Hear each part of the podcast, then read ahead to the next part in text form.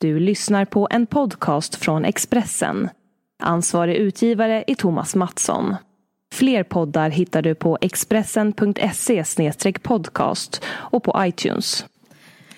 Ja, vad heter uh, Macron vann ju igår. Det känns kul. Ja. Det är ja. kanske läge för att säga vad var jag sa. Vi snackar ju om podden.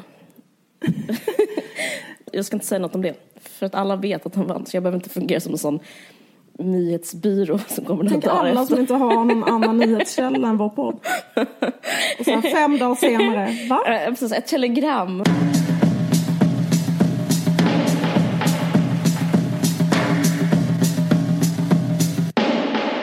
Hur som helst, men jag tycker det är så roligt för att um, jag tänkt på det väldigt så mycket. Vi borde egentligen pratat om det um, när vi pratade om det här med det här terrordådet på Drottninggatan.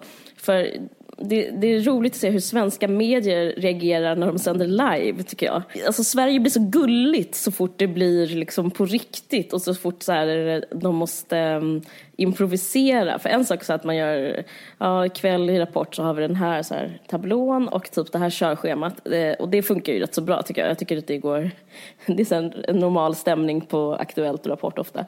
Men så fort det är så live så blir det, um, så känns som det gamla ämnet också, känns Sverige så otroligt, eh, vad ska man säga, kanske liksom inte den vassaste, alltså inte så här, inte bäst, inte front of the line direkt. Eh, och jag tycker en sak är rolig, eh, det är att de eh, de får ångest, alltså redaktionen eller eh, producenten eller vem du nu är. Och, och, men om de hittar något som funkar så kör de på det om och om igen. Eh, och en sak som jag jag blev så lite förvånad och det Annie Lööf var inbjuden till P1 Morgon nu. Jag gick upp 5.30 på grund av eh, Ja, det är jättekortsiktigt men jag lägger, la min dotter igår klockan sex på kvällen för jag orkade inte vara upp, jag orkade inte att hon skulle vara vaken. Och då vaknade hon fem på morgonen. Så att, hur som helst så, så har jag liksom lyssnat så mycket hela morgonen på P1 Morgon och SVT Morgon. Och då bjuder de in Annie Lööf på P1 Morgon. Och sen så bara, ja ah, men fine. Eh, och då är det liksom Eh, för att han är ju eh, trist, typ, alltså centrist. Mm. Och eh, det är så kul, eh, för att det lättaste att tänka då, det är att Macron är en centerpartist. Eh, och sen så, sen så, så bara, men, ja men det är okej okay, liksom på ett sätt kanske, han, de är ju mitten båda två. Men sen så händer exakt samma grej på SVT Morgon. Och så Annie Lööf har liksom det har gjort så mycket för hennes karriär att hon har blivit vår motsvarighet till Macron här i Sverige. Ja, ah, just det. Men det finns väl li vissa likheter mellan dem? Gör det inte det? Eh, vissa likheter, men ändå. Alltså, han är ju han är mer... i arbetsrätten ah, och sådana där saker vill han göra. Och han är ju väldigt liksom eh, marknadsliberal. Och ja, han är, han är väldigt liberal och det är ju hon också. Men ändå Nej men ändå inte, han, han är ändå inte center liksom. Det är inte det, han är, han är liksom en mer så här ny ja, det, det, finns väl inte riktigt någon motsvarighet men, men, men jag vet inte. Vad skulle... Han är som alla svenska partier. Ja men precis, han är väl en blandning mellan Socialdemokraterna och typ Folkpartiet. Moderaterna, ja precis. Också. Men, eh, och, men lite som vad jag förstått som Podemos i, i, um, i Spanien, eller? Har, har du förstått det?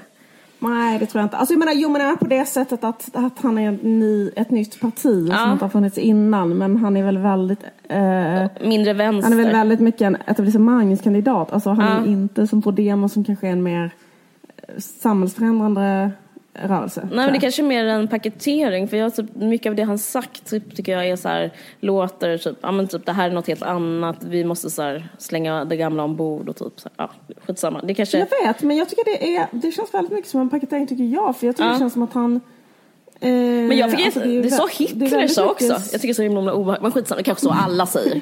Kanske så Le Pen säger också, jag vet inte.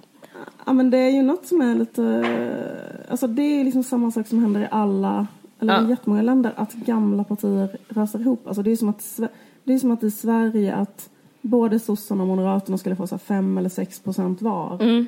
i mm. nästa val. Och mm. sen skulle det komma en, en annan rörelse som skulle få Alltså, det, och det har ju hänt i Grekland också. Att mm. alla de gamla partierna har liksom kollapsat. Mm. Så att de gamla partierna som har haft makten i hundra år existerar inte längre och istället är det liksom sådana där nya, väldigt så snabba populistiska rörelser som växer på makten liksom. Mm. Um, så det är liksom en, en trend. Jag vet inte, jag, jag uh, gillar inte det så mycket. Jag gillar aldrig människor som säger att de inte är höger eller vänster. Precis. Eh, men jag, vill, jag fattar vad du menar, som... men eh, jag känner bara att det får bara framtiden utvisa. Det är också så här, eh, alltså du, det är klart du har eh, rätt i dina eh, åsikter och känslor, men det, jag, jag, jag, jag, vet, jag vet inte. Alltså, jag, det, det, det värsta, alltså worst case scenario är att det är totalt eh, att man bara, ja, att man efteråt kommer säga, jaha det var det som var din ideologi och så var den ännu sjukare än det som redan är. Liksom. Men, men det skulle kunna vara också tvärtom, typ att det blev, jag fick en slags positiv, jag tänkte på så gamla franska värden och sånt där. Men det kanske, jag kanske bara romantiker, jag vet inte. Jag känner mig mer positiv nu än i alla fall när Trump vann kan jag säga. Men jag vet inte. jo men det är klart, det är klart. Men jag är lite rädd för att man bli positiv bara för att alternativet är så jävla sinnessjukt. Ja men så är det ju. Men, det, ja. men, det är inte, ja, det, men så får det vara på något sätt. Ja men då tycker jag ändå att man, nu har han vunnit så nu kan vi vara kritiska mot honom tycker jag. Absolut, absolut. Nu har den duellen gått över så nu kan man säga vad är det för otroligt meningslös etablissemangsmittenpolitiker som står och skriker anmarsch utan att eh, vara vänster? Anmarsch where? anmarsch Till vad? Au? Jag hade en spaning om honom som jag tänkte på att jag har sett så många bilder på honom nu. Att mm. roligt. Jag ska, han på något sätt liknar i ansiktet, alltså mm. tänk på det här. Han ser ut som eh, att han liknar lite grann Marcus Birro om Marcus Birro aldrig hade varit med om något negativt. Hade druckit typ kanske? ja, alltså aldrig druckit och aldrig blivit kränkt. Ah. Alltså att, att liksom aldrig ha Tidens eh, tand liksom. nej, men inget, ah, utan, nej, men, liksom, inga besvikelser, inget, liksom, ingen, ingen, ingen, ingen kränkningar, inga motarbetningar från Expressen Kultur. Nej, jag vet inte. Eh, men men då, då hade han, eh, alltså att han ser ut som en sån ljus, ljus version av av en Birro-bror. Förstår Ja, fint. Mm. Alltså det, det, det, jag tycker det är intressant att han, han är så otydlig i sin politik. För att då har man liksom väldigt lite att säga om det. När han väl, BBC till exempel, deras take är bara så här, han är så charmig. Det är också så, som, lite som du, om du kanske skulle välja headline till, alltså han är som Birro fast otraumatiserad. Okränkt. Ja men precis. Ja men verkligen. Men också så här, ja, men han, är bara, han är bara så charmig. Och det är jättemånga som pratar om hans utseende och hans charm. Och så det är så himla oseriöst. Men han var, jag ska bara säga en pytteliten sak som gjort att jag känner så här, eh, lite för honom. Det är att han, eh, han var ju finansminister för eh, vänstern, right? Holland. Ja, jag vet, ja. han har varit medlem där. Ja, det betyder väl eh, lite eller? Eller är det som Gudrun Schyman och Fi? Eller att hon Ja men det tror jag. Alltså, de liknar ju um, den rörelsen också. Att det är så här, uh, att man säger att man inte är höger eller vänster. Att man liksom um, sådär. Mm. Enligt, enligt vissa mm. källor, ja men precis.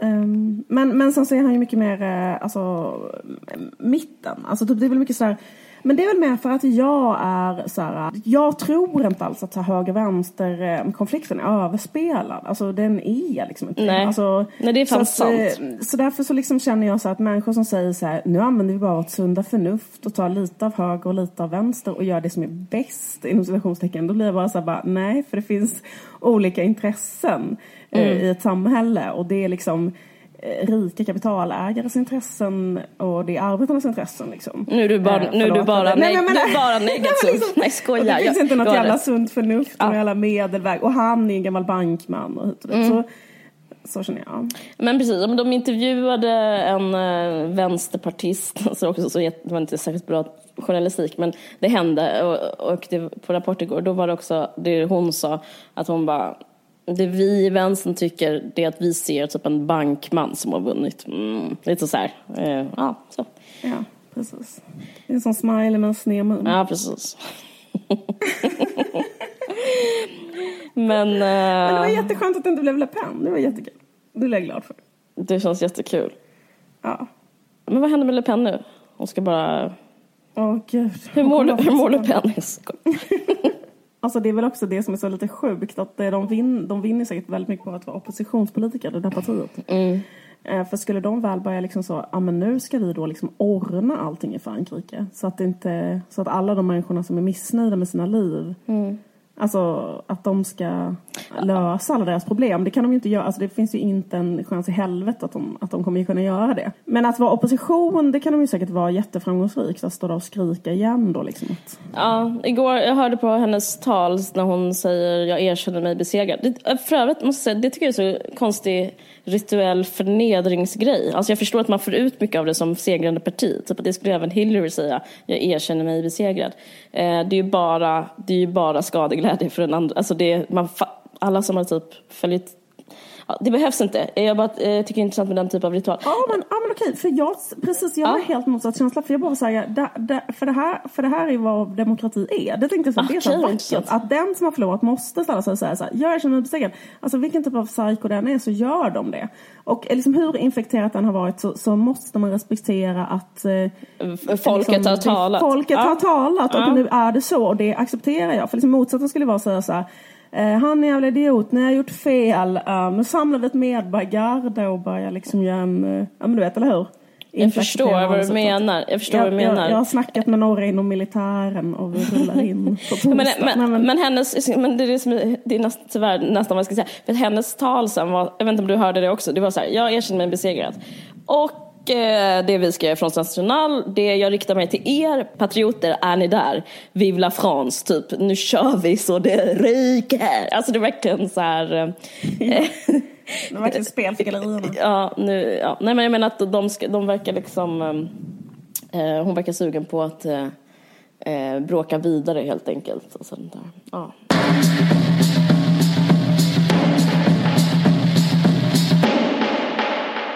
Jag kan berätta om en rolig sak. Mm. Gärna. Jo, men igår mm. så um, körde jag bil. och då hade jag sån, uh, ja men jag vet inte. Uh, jag bara liksom, det är så speciellt för jag har kört väldigt mycket i helgen.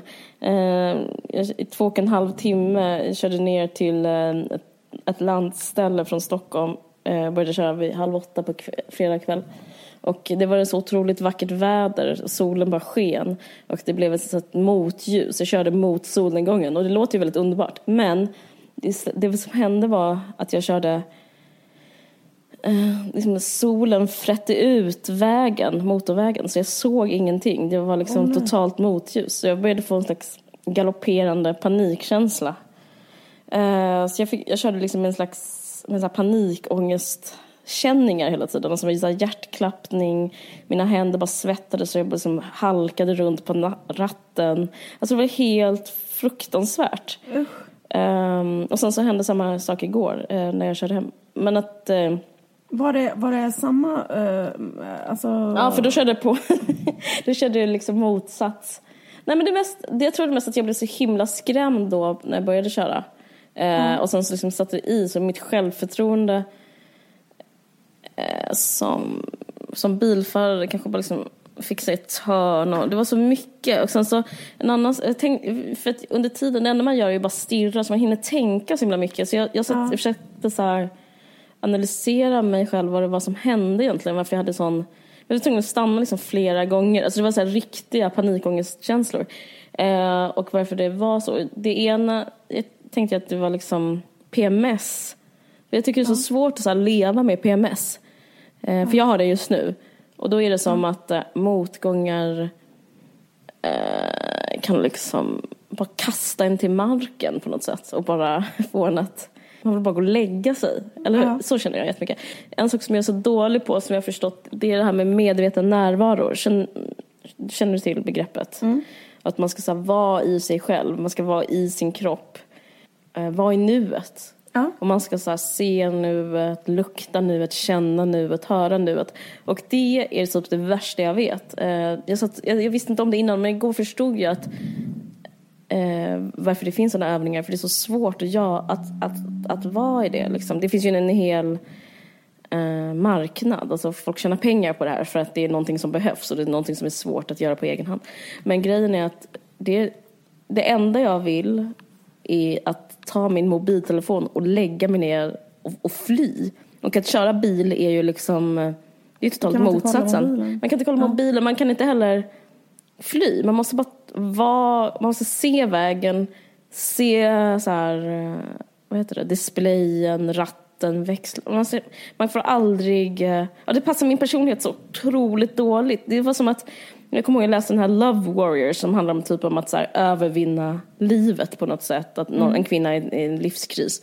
Lite som så här, äta, sova, nej inte äta, sova, vad heter den? Eat, pray, love. Alltså en sån där själv, självhjälpsbok. Ja men då skulle hon så här, då beskrev hon typ hur, hur hon överlevde livskrisen. Alltså det fanns en punkt och det var så här att hon satt på en yogamatta och översköljdes av så här panikångestkänslor, eh, traumakänslor. Men att då skulle man bara stay put on the mat. Alltså så är det med mm. att köra bil också, man kan inte lämna sätet. Och det är liksom så himla svårt tycker jag.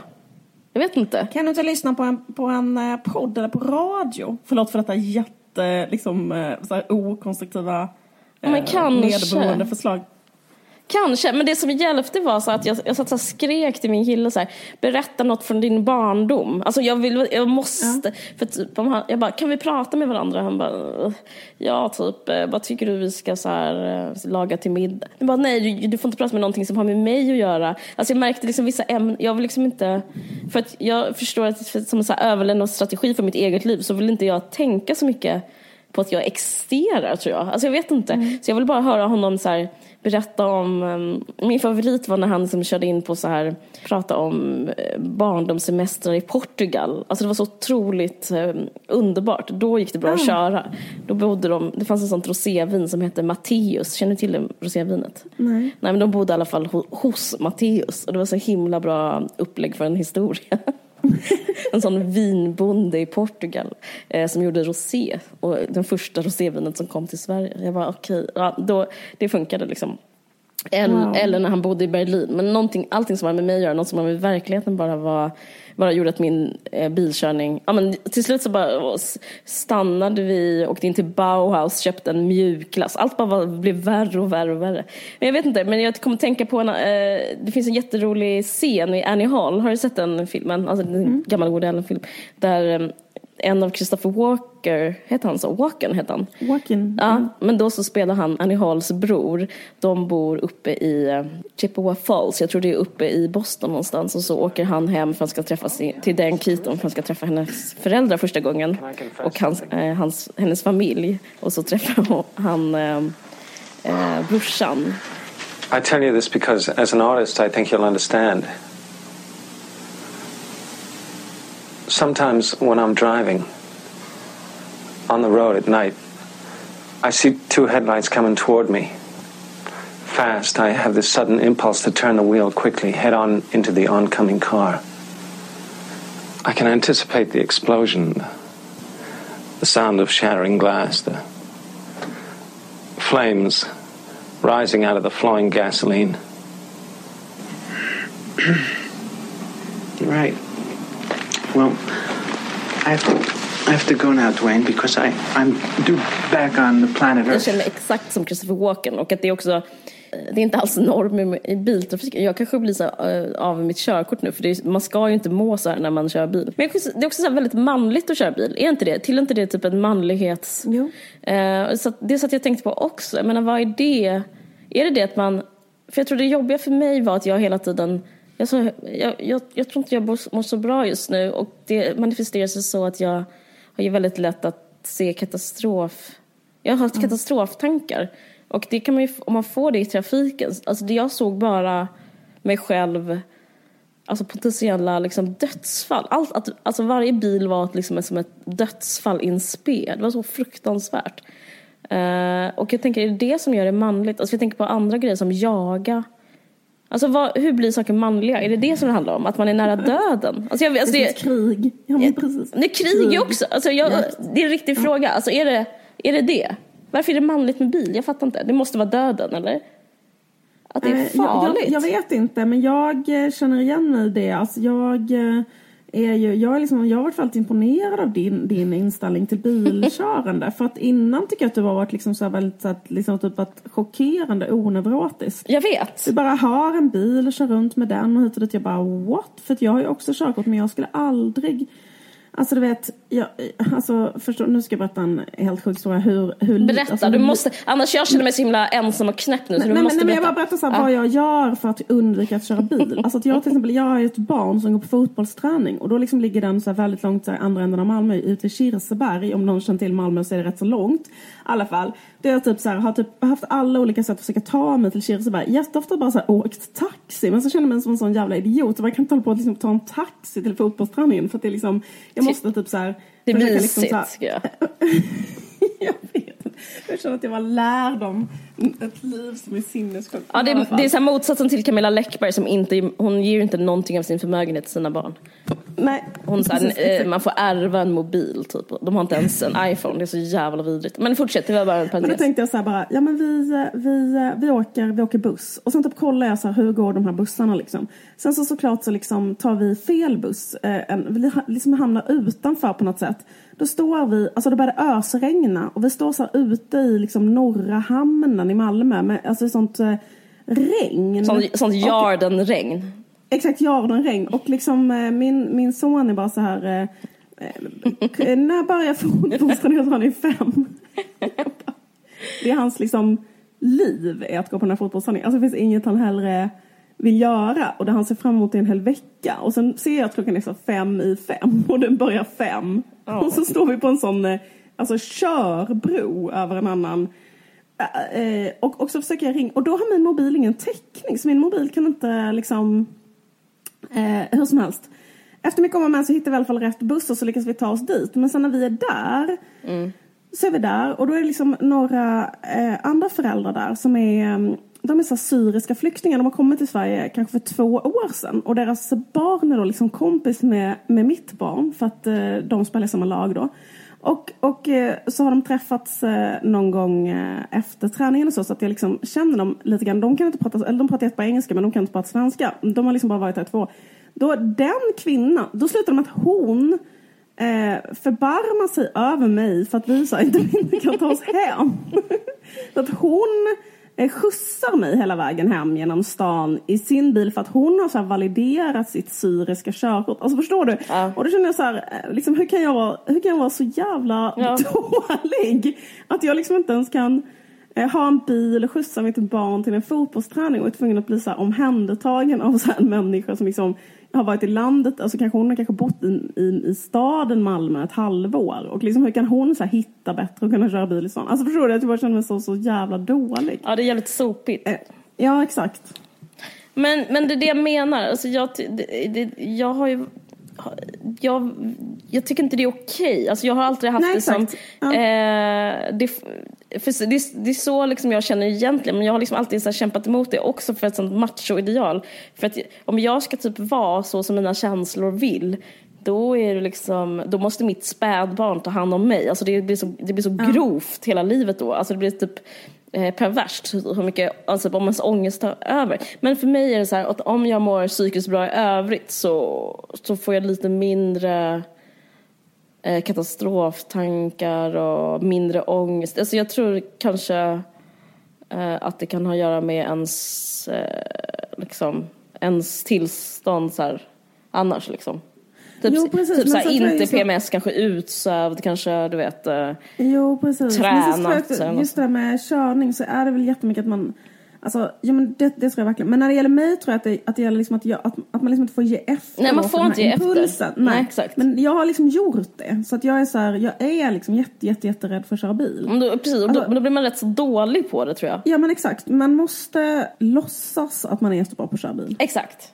Nej men är det det killar gör? För enligt statistiken, alltså tyvärr så typ läser jag statistik om bilolyckor och sånt där och det, enligt den så är det de som dör oftast och de som krockar är unga killar. Eh, det är liksom de som eh, krock, alltså de som kör sämst är män överlag. Kvinnor krockar nästan aldrig. Men eh, det är män och det är framförallt unga killar som precis Som liksom fått- tar risker då. Ja, precis. Och det tycker jag handlar jättemycket om en... Det, det, jag, som satt, det enda som hjälpte mig var att jag satt och tänkte så här, så här, om man, någon har så här mycket ångest, då skärper den personen sig. Alltså det finns ju mm. någonting som är så här uppfordrande med ångest. Som är mm. att jag tar varenda sekund av mitt liv på, i och med att jag ser det som ett dödshot. Alltså det, en, det blir som en kamp och som, som jag, he, alltså jag, det jag menar, jag tycker det är så jobbigt att leva i nuet. Men jag tvingade mig själv att leva i nuet på ett sätt som kanske en ostressad 21-årig eh, kille som heter Mattias inte gör. Utan bara kör, bara, och sen kanske bara krockar. Alltså, jag, jag tror det handlar om ett, sätt, ett, ett självförtroende som är så här, att inte förstå att man kan dö på något sätt. Och, det är, nej, och jag tänker så här, men jag, jag kan dö, jag kan dö, jag kan dö. Och det gör liksom livet outhärdligt. Men det är också, det är också därför jag inte krockar. Typ. Så att, det. Du vet att det har varit en sån eh, undersökning i eh, alltså att fler och fler människor känner sig otrygga? Uh, nej, det, faktiskt inte vet jag inte. Ja, men det har varit så mycket snack om det. Det var typ så en undersökning. Jo, att man är rädd typ. Ja, att folk är rädda. Ja, just, ja. Exakt. Typ att rädslan ökar i samhället eller otryggheten ökar i samhället. Mm. Och att det är så att kvinnor känner sig jätteotrygga. Typ 31 procent av alla kvinnor känner sig otrygga. Mm. Och typ 12 procent är så, så otrygga så att de inte vågar gå ut på kvällen. Mm. Har du, kommer du ihåg detta? Nej, men jag, jag, jag har hört, alltså det enda jag har tänkt på det är typ att mm. Henrik Schyffert har gjort en, en humorshow som heter att man inte ska vara rädd och att han ja. pratat typ om det hela tiden. Okej. Okay. Det är samma som sak som jag tänker säga nu. Nej. men jag tänkte på att, um, för grejen att, uh, men samtidigt är det ju då så att... Uh, men handlar det här om rädsla för att bli överfallen? Är det, det uh. den typen av rädsla? För att det jag har läst om är en rädsla typ för typ muslimer, eller du vet så här, rädsla för att Sverige är under attack och rädsla för hot och rädsla för um, typ människor med mörkt hår och sånt där. Typ. Alltså jag blir osäker nu på liksom hur de har ställt de här frågorna. Men det var liksom en sån, det är typ att Bro har en sån eh, jag tror att det handlar om liksom rädsla för att bli utsatt för ett brott. Ah, ja. Vad är Brå? Eh, och då är det typ att sex, eh, brotts... Alltså brottsför, jag tror att det är så att Brottsförebyggande rådet ah, gör sådana statistik. Så här, hur otrygg känner du dig? Alltså hur rädd är du för att bli utsatt för ett brott? Alltså när, liksom, är, typ, är du så rädd på kvällen så att du inte vill gå ut för att du är rädd för att bli utsatt för ett brott och sådär? Mm. Och när det gäller kvinnor så är det ju eh, liksom väldigt mycket att man är rädd för att bli utsatt för så här, sexualbrott eller överfall. Så mm, absolut. Alla i samhället överhuvudtaget liksom, eh, hade typ en ökad så här, otrygghetskänsla då. Mm. Eh, men att det kanske egentligen inte är så här eh, rent statistiskt alltså så, här, så vet man ju det då. Att det, kan, alltså det har typ kanske inte blivit så här direkt Ja, jag vet inte, men att det säkert så här hör, hänger ihop med liksom allmänna så här alarm eh, alarmstämning i samhället. Att så här, samhället håller på, att kollapsa och det händer så mycket sjuka saker. Att man liksom är rädd för det ena med det andra liksom hela tiden. Och mm. tror att det ska hända grejer. Och ja, men, rädsla för terror kanske och rädsla för, ja men du vet, det ena mm. det tredje. Mm. Men så lyssnade jag på ett eh, program på P1 häromdagen. Mm. Där de eh, snackade med en eh, kvinna som heter Katarina Bjärvall som är en författare. Mm. Och hon har så här, eh, eh liftat i typ 30 år drygt. Eh, alltså hon har det som sin grej att hon alltid liftar. Okej. Okay. Eh, så själva det, um, det reportaget handlar om, så om liftaren, typ så här, är liftaren utdöd eller uh, Mm. Eh, eller finns det fortfarande liftare liksom? För att typ på 60-70-talet så var det väldigt vanligt att lifta. Typ på grund av eh, beatförfattarna och så. Mm. Eh, så alla ville liksom eh, lifta och det var liksom ett sätt att resa typ för folk ju. Mm. Det var coolt. Eh, ja men precis. Men sen att det då liksom har eh, minskat så här successivt väldigt mycket och att det nu är så här jätteovanligt att lifta. Mm. Bara då liksom vad det beror på att folk har så slutat eh, lifta typ de hade de en massa förklaringar till det. Men liksom en förklaring är väl då liksom att man inte, att det är liksom någon slags ökad misstro eller vad man ska säga i samhället. Ah, eller liksom att det är rädsla då. Ja. Att man liksom inte riktigt eh, eh, vågar göra det. Och sen så typ också så här tydligen så, så jävla typiskt att det typ kom någon sån skräckfilm Uh, typ 86 eller någonting som hette så här, The Hitcher som var så här att uh, liftaren var en massmördare och hit och dit. Ja, precis. Men jag tyckte det var så jävla speciellt att hon som så här, en ensam kvinna har typ så här liftat och själv i typ över 30 år. Vad sa hon då? då? Och, Vad sa hon om det? Nej, men hon sa så här att det aldrig hade hänt henne någonting. Ehm, och Mm. att hon, eh, alltså någonting obehagligt. Det som hade hänt henne var typ att folk hade kört för fort, att det varit obehagligt. Eller att någon, någon gång att någon hade varit full. Men hon har, har, aldrig- har aldrig varit med om så här våld eller någonting. Mm. Men i alla fall, men så sa hon, vilket jag tyckte var jävligt intressant, att hon sa så här att för henne så är liftandet en övning i tillit. Ja, det, Eh, det och må jag säga. hon- Det verkar Ja men fruktansvärt. verkligen. Men, och, och sen sa hon det här, vänta, Om man bygger på den erfarenheten, för varje gång man lyfter så förstärker man den erfarenheten i sig själv och den tilliten till omvärlden och, och till mänskligheten får man säga, även om det låter pretentiöst. Jag älskar vårt bilavsnitt. Jag hoppas alla fattar att vi är sponsrade av Volvo. S- och. Saab. Och Liv, det, nej. Vi är inte sponsrade. Eh, Lifta kanske ska bli den nya sättet för mig mig till fotbollsträningen med min son. Ja, men precis. Och mitt sätt att åka ut till landet med min familj. Ja, verkligen. Nej men jag menar hon har ju rätt, alltså, men grejen är, eh, det hon beskriver är ju också KBT, alltså att eh, exponering, om man har fobier så ska man utsättas för exponering. Alltså, och det är därför du ska hoppa upp eh, back on, eh, på sadeln igen och börja köra din son. För annars så kommer du bara skapa ett beteende hos dig själv som är baserat på ångest. Som, alltså, Och samma med mig, jag, jag borde bara, vi borde bara ut och köra helt enkelt du och jag. Jag vet. Men eh, precis, men det som jag tyckte var intressant Mm, med just det här var ju så här att, att eh, jag har inte tänkt riktigt på så tillit som en övningsfråga. Alltså men det som var intressant var liksom att hon beskriver så här, alltså förmågan, tillit eller så, att det är liksom som en slags kondition eller så, att man bara Mm, något man så här tränar. Ja, något man kan träna på. Och jag bara tyckte att det var så här, eh, jag tycker det har varit en dimension som har saknats i den här liksom så här rädslodebatten. Alltså att, eh, Ja men det är faktiskt sant. Det, men det är liksom antingen har man det eller inte stämning på ja, tillit. eller typ så här, oj nu har det ökat. Så bara, ja men liksom det kanske har ökat för att du, du inte har övat på det. Alltså förstår du vad jag menar? Typ så här att, eh, för jag tycker själv att jag kan känna det. Att eh, min tillit till eh, världen, eller hur rädd jag är när jag befinner mig i olika, på olika ställen och så. Att det, att det, att det kan, eller att, alltså, jag menar, det, det liksom ultimata exemplet är på det när man har varit ute och rest länge själv. Hur otroligt avslappnad man blir då. Och bara är så här, ja men exakt får den här upplevelsen som hon säger som är så här, allting löser sig, ingenting är någon fara, allt är lugnt, alltså typ så. Mm. För att man märker att det är så. Men till skillnad från när man liksom Inte, jag är inte sån, men jag vet att andra är rätt så. Jag har, äh, men jag fattar vad du menar. Det är, man märker att det inte är så svårt kanske. Men, äh, Ja men typ om du tänker Ja. att du har träffat någon som har varit ute och rest länge. Absolut. Jag vet, jag är. märker det på andra. Ja. Jag, bara, jag bara tycker att det är så jävla synd, alltså det är så jävla deprimerande de där siffrorna. 12% av alla kvinnor så undviker att gå ut på kvällen för att de är så rädda för att bli överfallsvåldtagna. Alltså, det bara- jag, jag är en av dem. Alltså jag är så Jo, jag rädd. Men det jag gör, alltså sist jag var ute var jag på, jag var på så här valborgsmiddag.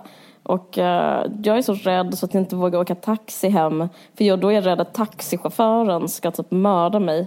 Och det enda sättet som hjälper mig är typ att tänka sådana, men det, eh, jag tror också det handlar om mitt så allmänna tillstånd. Det är att tänka, eh, just det, så här, tänka att det är en KBT-övning. Att tänka så här, om jag genomlever det här nu och inte blir mördad, då kommer det här lära mig att det inte är så farligt. Ja, men på ett sätt så är det lite som hon säger, fast jag har, inte- jag har inte kallat det så här tillitsövning. Men, men eh, det är det enda som funkar, för annars så Eh, annars är det verkligen att man måste stanna hemma. Eh, jag, jag är alltid helt övertygad om att jag ska bli styckmördad och våldtagen, alltid. Och det typ förstör ens liv. Alltså det, den typ av så här kortisolutsöndringen och stress. Alltså, ja, det, det är sådana fruktansvärda ångestkänslor och eh, också så tankar som bara så här tar över. Jag kan verkligen förstå det hos andra. Men jag måste säga en annan sak om den där rädsla-debatten som, som jag typ reagerat jättemycket på. Men det är kanske inte alls det du vill komma. Men, men eh, det här tänker jag mest på Henrik Schyfferts show som handlar om eh, att man ska inte vara rasist i stort sett. Den, eh, du, var inte rädda tror jag den heter och den handlar om att eh, rasism, alltså det, det är många som röstar på SD men det beror på rädsla varför man röstar på SD typ, för man är rädd för det okända. Men att, och den analysen och tolkningen av typ eh, det politiska läget rätt så vanligt. Du kanske du vet vad jag snackar om va? Uh, ja, kanske. Jo, men, jo, verkligen. Alltså, jag känner verkligen till det där. Du, att, ja, men hans uh, show känner du i alla fall till. Ja, ja men den säga. heter i alla mm. fall Var inte rädda. Och eh, om man följer honom på Insta så postar han ofta typ sådana saker som handlar om eh, främlingsfientlighet i förhållande till rädsla och sånt där. Mm. Och sen så bara skriver han typ hashtag var inte rädda. Mm. Och grejen med det är Alltså typ så här, at first sight så, så är det typ så här, ja men det är väl fint och positivt. Men, det, men jag har liksom rätt retat mig så otroligt mycket på den typ av retorik. Det är inte, vi pratar inte om rädsla. Även under amerikanska valet så är det så här eh, miss, ordet missnöje och liksom att, så här, eh, sån, att det är liksom så här känslobaserat varför man väljer en eh, ledare som Trump och sådär. Men, att det, men grejen är att det man gör då är att frånta typ det ideologiska ansvaret hos folk. Alltså grejen är, alltså, jag skulle inte kalla det rädsla det som håller på att hända i Sverige just nu. Jag skulle liksom kalla det rasism. Och så, så tycker jag, jag tycker det finns en stämning överlag att man ska dalta jättemycket med rasister och dalta jättemycket med SD. Det är ju liksom en jättestor grej att man inte får kalla till exempel det är övertramp liksom, i media. Om någon, om någon har kallat en rasist, äh, SD en rasist så blir det typ alltid en grej. Liksom. Om kallar en rasist en rasist. Ja men typ, alltså, grejen är att det, blir så, det är så himla, det är bara ett sidospår. Men att eh, man måste börja skilja på rädsla och rasist och typ så här, ja men det är ingen är rädd, de är bara vanliga rasister och vi har en jättegod, fin, inte fin, men vi har en jätte liksom, långvarig tradition i Sverige av rasism. Det är inte någonting som så här, uppstått just nu utan det finns en ideologi liksom. och eh, också i Skåne framförallt. Det blir så himla som att det är så här, offerförklarande för de typ stackarna som röstar på SD och så här, stackarna som inte förstår sitt eget som är bara så här, känner sig rädda. Det låter som de behöver tröst men egentligen så behöver man typ föra ett krig mot dem. Eh, I media, ja, ja, skulle jag säga jag i alla fall. du, nej, du får jättegärna, du behöver inte hålla med men jag, din, jag, fan, jag, jag, jag är irriterad på det alltså. Jag är inte säker på att den här analysen är korrekt att det beror på att folk är rädda så här. Fast jag är liksom inte emot att man försöker så förklara varför. Alltså typ för att Alltså även, jag tycker att man kan liksom fördöma någonting men ändå så här vilja förklara varför det har uppstått. Alltså förstår du vad jag menar? Typ så att, för så tycker jag det kan vara med de här jihadisterna också. Att, liksom att det har varit en sån jävla stämning nu efter eh, terrordådet. Att mm. alla har gallskrikit på det här sättet. Så, här, eh, så fort någon har sagt så här, ja men kan det inte uppstå för att de här människorna känner sig marginaliserade i samhället och eh, typ mm. så här, och då, och då har man inte ens fått säga det för då har alla bara gallskrikit så här du ska inte ursäkta dem, de är brottslingar. Alltså du vet så här, man bara, men att för, försöka förklara så här, varför någonting händer kanske inte heller är att ursäkta det. Nej jag fattar vad du menar alltså, men jag, typ, jag tycker det är inte samma med, sak. Alltså för att det är ju någonting som gör att människor just nu ändå har börjat rösta på just SD. Alltså jag menar Eh, och, och, det kunde man ju se också med Trump, att många av Trumps väljare hade liksom valet innan röstat på Obama. Alltså förstår du vad jag menar? D mm. då, är det ju, då är det ju någonting som liksom eh, har, har skett. Och Alltså det, det, är svårt att förklara bara menar jag. Och jag, alltså jag vet inte om den förklaringen egentligen så är heltäckande. Att det är så att de är, att liksom de är rasister. För jag menar varför, skulle, varför har de då nu börjat rösta på SD men att de röstade på sossarna för eh, åtta år sedan eller så. Men jag ska bara säga att jag menar inte som en sån borderline-grej att all, inte säga så att någon de är inte rädda. Det är inte som att jag säger de är inte, det finns inga rädda, rädda människor som, och därför gör man någonting som så här, man gör ett konservativt tryckt val. Jag bara menar att det är väldigt, eh, diskussionen om ideologisk rasism, den kan inte ersättas, ersättas av den eh, mer så offer analysen av rasister. Alltså jag menar, någonstans, på no, vid någon punkt så måste man väl kalla så här, ja, men vad är det för ideologi? Då, alltså prata om ideologisk rasism istället för bara prata om eh, varför hela tiden. Men jag menar, det ena behöver inte utesluta det andra. Jag, det... Nej, precis. Men jag, menar, jag tycker ändå att det står, att det, står, alltså att det är liksom är utom allt tvivel att, att de grupperna, typ SD, har ju liksom väldigt, väldigt, väldigt systematiskt och väldigt, väldigt framgångsrikt, alltså typ så här, byggt upp en rörelse, framförallt på nätet med sina sina så här alternativa nyhetssidor och så. Som liksom Mm. har byggt upp en världsbild som för vissa människor, för många människor är deras enda liksom, nyhetskälla. Mm. Som går ut på att beskriva saker på ett visst sätt hela tiden. Att så här, alla som begår brott i Sverige är invandrare. När Ja. invandrare kommer hit så liksom börjar de begå brott. Det är livsfarligt att liksom, ta sig utanför dörren. Precis. liksom, bla, bla, bla, bla. När de ser en muslim så, är det så här, ser de bara en terrorist. När de, alltså, liksom att den typen av så här, propaganda som har försiggått alltså, under liksom, ev- alltså, och, och som liksom, faktiskt vi har varit så här, för, alltså, resten av samhället så absolut för dåliga på att liksom, bemöta eller kontra eller kunna liksom Alltså för att nu så, här, så många människor som använder de där sidorna som sina så här, främsta nyhetskällor och de sidorna bygger ju på det att eh, eh, göra folk helt livrädda för att, eh, eller jag menar de värvar ju människor som kanske inte hade trott så från början och hit och dit. Jag menar det är ju det är ju så de liksom växer. Jo, ja, men, vi, men det med, Ja. de, bygg, de, de, de har det som metod men, deras, Ja. men det, det är ju inte för att de är rädda, det är ju för att de är ideologiska rasister. Ja men absolut, alltså, alltså jag menar kärnan är ju det. Men, Ja, sen men så precis. tänker jag att de värvar, jag menar nu har de ju 20 procent nästan. Alltså de värvar ju människor som för, tio, för fem år sedan röstade på sossarna. Eller för fem år sedan röstade på Moderaterna och Mm. Ja. nu gör de inte det för att de har liksom gått in i en känsla av att så här, eh, Sverige är på väg i en systemkollaps och... Eh, Att vi är en apokalyps och ja, det är invandrarnas fel. och- Ja men exakt. Jag vet, men jag tycker att, vad ska man kalla dem, vanlig mainstream media eh, är för dåliga på att bara säga att, att, säga att eh, det, det här är rasism. Det har hänt förr i historien. Nu, nu gör de det här rasistiska, nu är det här rasistiska. Det här är rasistiskt, det här är rasistiskt. Det är ju liksom bara, eh, det finns en sån läktarplats istället som alla har bara satt sig på. Och bara, ah, nu sker, jag, bara, jag, jag tycker det är väldigt obehagligt att bara se eh, den här typen av rasism bara täcka in fler och fler. Alltså det blir bara större och större. Det är liksom, ja. Jo. Och de kommer typ vinna valet. Förlåt, jag ska inte låta som ett sånt eh, motsatt troll från andra sidan. Men, men eh, ja, det är otroligt stort ju. Det största partiet i Skåne. Alltså det är så sjukt. Ja. Men vad skulle du säga? Du skulle säga någonting om något annat. Nej, som. jag pratade bara om att tillit var en övning. Ja, just det. Ja, förlåt. Men jag bara tyckte det var så ett intressant sätt att se på liksom, den grejen. Att lita på någon, typ. En främling. Alltså för det är det egentligen som... eh, Det är liksom nästan en avgörande faktorn för att ett samhälle typ ska kunna fungera. Mm. Alltså allting i ett samhälle går ut på det. Att vi måste kunna lita på en främling. Mm. Och eh, typ om man, om man bara så slutar göra det för att man är rädd och därför träffar man ingen. Eller liksom därför, eh, alltså så som det är i länder som har varit mycket värre än Sverige när det gäller rädsla. Alltså att folk är så inburade i sina communities och eh, tar bilen överallt för att de inte kan gå, för att det är livsfarligt att åka buss, alltså vad som helst. Och sen bara liksom är det inte det. Och typ om folk hade så här provat att liksom öva en gång om dagen på att vara tillitsfulla mot en främling på samma sätt som man övar på att jogga. Det ska vara intressant. Verkligen. Det skulle vara jättebra.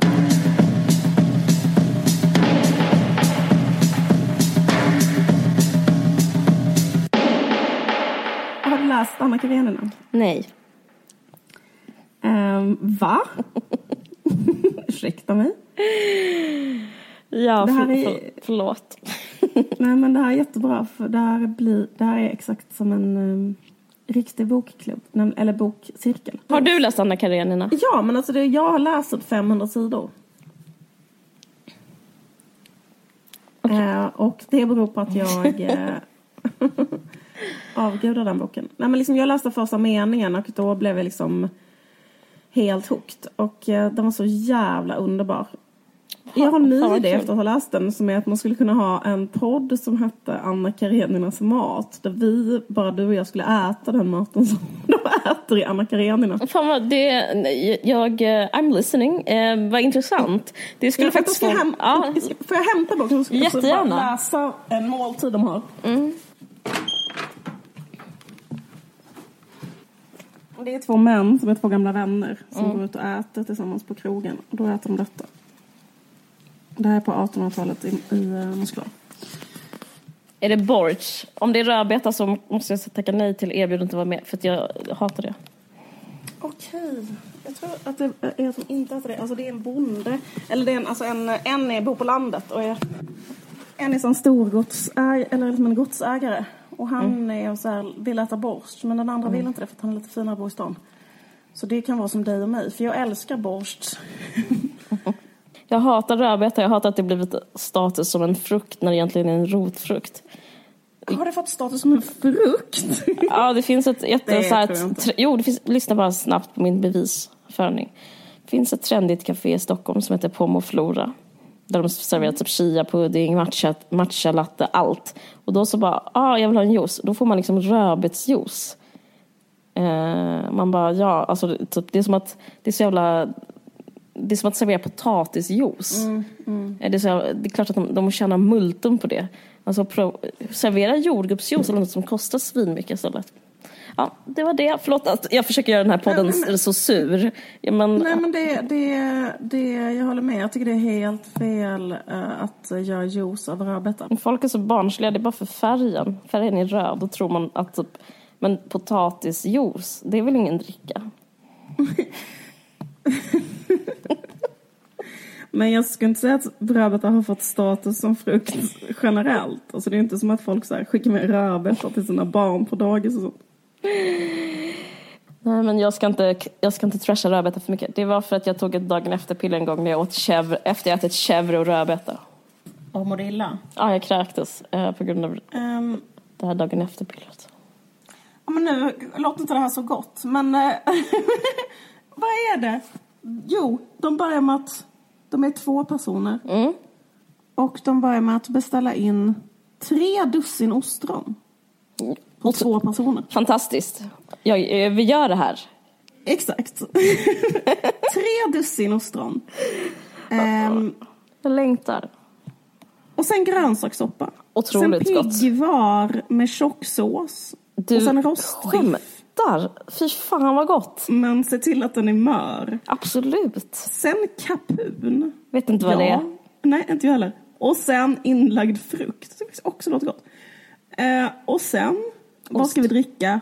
Vi börjar med det vita lacket. Alltså champagne-sorten vita lacket. Vi måste göra det här podden. Eh, och till sist, ost. Ska det vara er favoritost? Ja, Vilken? parmesan. Eller vill du hellre ha någon annan? Nej, ingen annan. Tänk att avsluta med bara en jätte... För, först äter man tre dussin ostron. Sen piggvar med en tjock sås. Piggvar är bland de godaste fiskarna. De är fantastiska. Grönsakssoppa. Rostbiff. Inlagd frukt. Och sen bara en stor bit parmesan. Och till det vita lacket, champagne. Men du, vi skulle kunna göra det här på riktigt. Men kan vi inte, för att det ska verkligen ske så måste vi ändra två grejer. Och det, vi kan inte äta kapun. För det vet vi inte vad det är. Nej. Men jag måste googla det. En kapun är en kastrerad tupp. Men vi, men vi, kan, vi kan inte äta det heller. För det kommer, det kommer liksom göra att allting bara faller. Jag tycker det kan räcka med ostronen och parmesanosten, eller? Nej, nej. Ost-. Ja, Och piggvar. och rostbiffen. Ja. Jag kommer inte äta inlagd frukt. Okej. Det tänker jag bara Ja, att det är ja. ett sådana där, såna där illröda körsbär. Jag bara, eller um, Ja, cocktailbär. det. Men, kan- men tror du inte att på 1800-talet i Ryssland att de hade riktigt god inlagd frukt? Ja, precis. Men vi har bara eldorados cocktailbär, så det blir inget. Ja. Nej.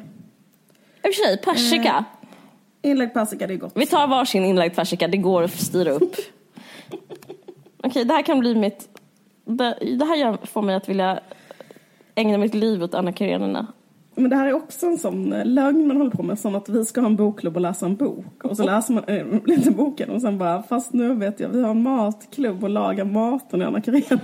Och så bara, nej, kommer vi verkligen göra det? Men tänk om jag, jag, lov, jag, Tänk om vi gör jag det? ska göra det. Jag ska göra det. Ja. Men kommer du göra kastrerade tuppen? Nej. Inte? Nej.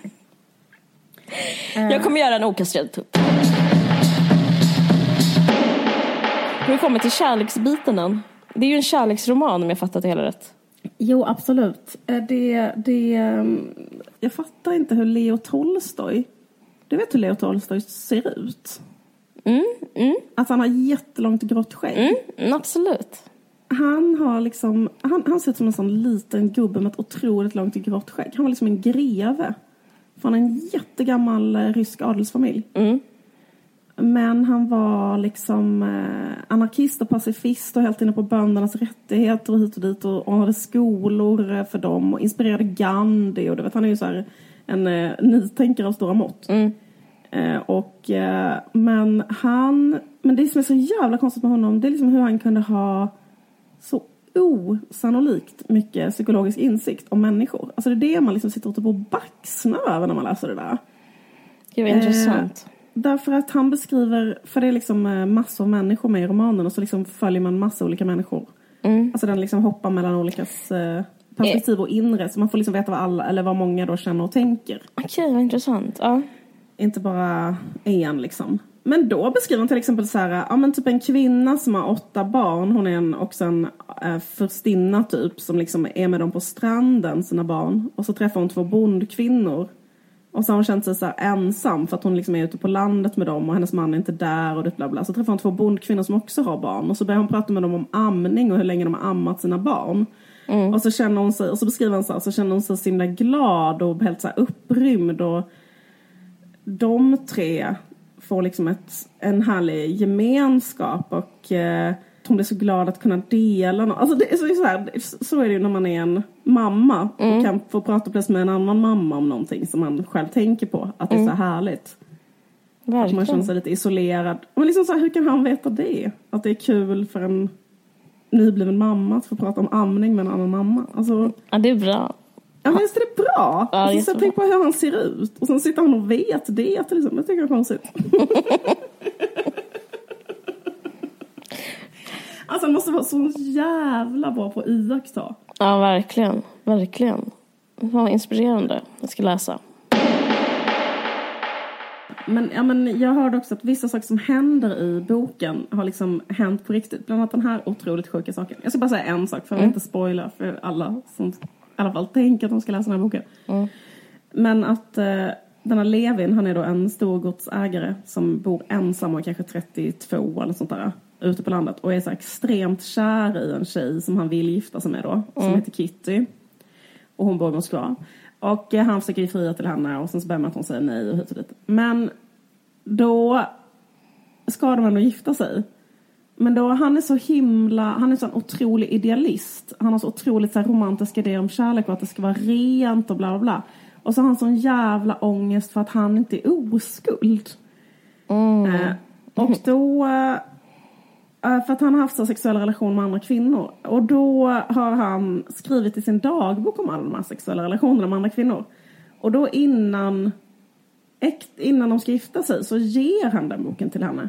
Alltså hon är kanske 18. Och bara för att hon ska få läsa det. För att de, de kan, ska inte ha några hemligheter. För att han har sådana otroliga idéer om så här, den rena, totala sammansmältande kärleken där de ska veta allt om varandra. Och då måste hon veta det. Mm. Och det läste jag sen på Tolstojs Wikipedia-sida att han gjorde mot sin, till sin fru. Det var en sjuk grej. Vad ska jag absolut inte göra tänker jag. Vad sa du? Du, du skulle inte göra Så det? att, så att han hade inte så mycket psykologisk insikt.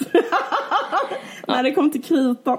Fast jag tycker ändå det är sån typ man gör när man blir ihop. När man typ, eh, typ eh, att- att bli ihop tycker jag är typ exakt den grejen. Att man så här, allting ska liksom upp på bordet på något sätt. Så att man, för man ska liksom ingå i en slags förening. Så att man så berättar om allt som hänt och sen ska den andra berätta om allt som hänt. Det är väl lite samma sak?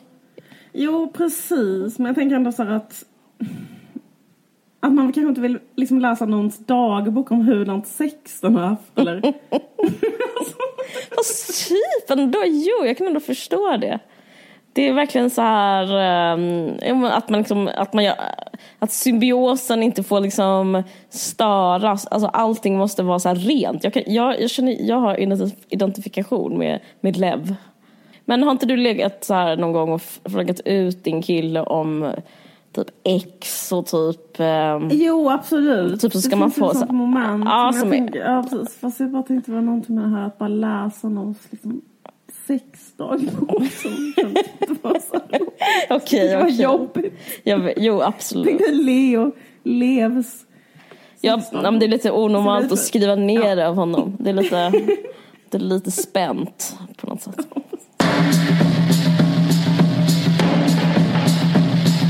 Okej, Puss puss. hej då. Hej då. Tack för att ni lyssnar. Du har lyssnat på en podcast från Expressen. Ansvarig utgivare är Thomas Mattsson. Fler poddar hittar du på expressen.se podcast och på iTunes.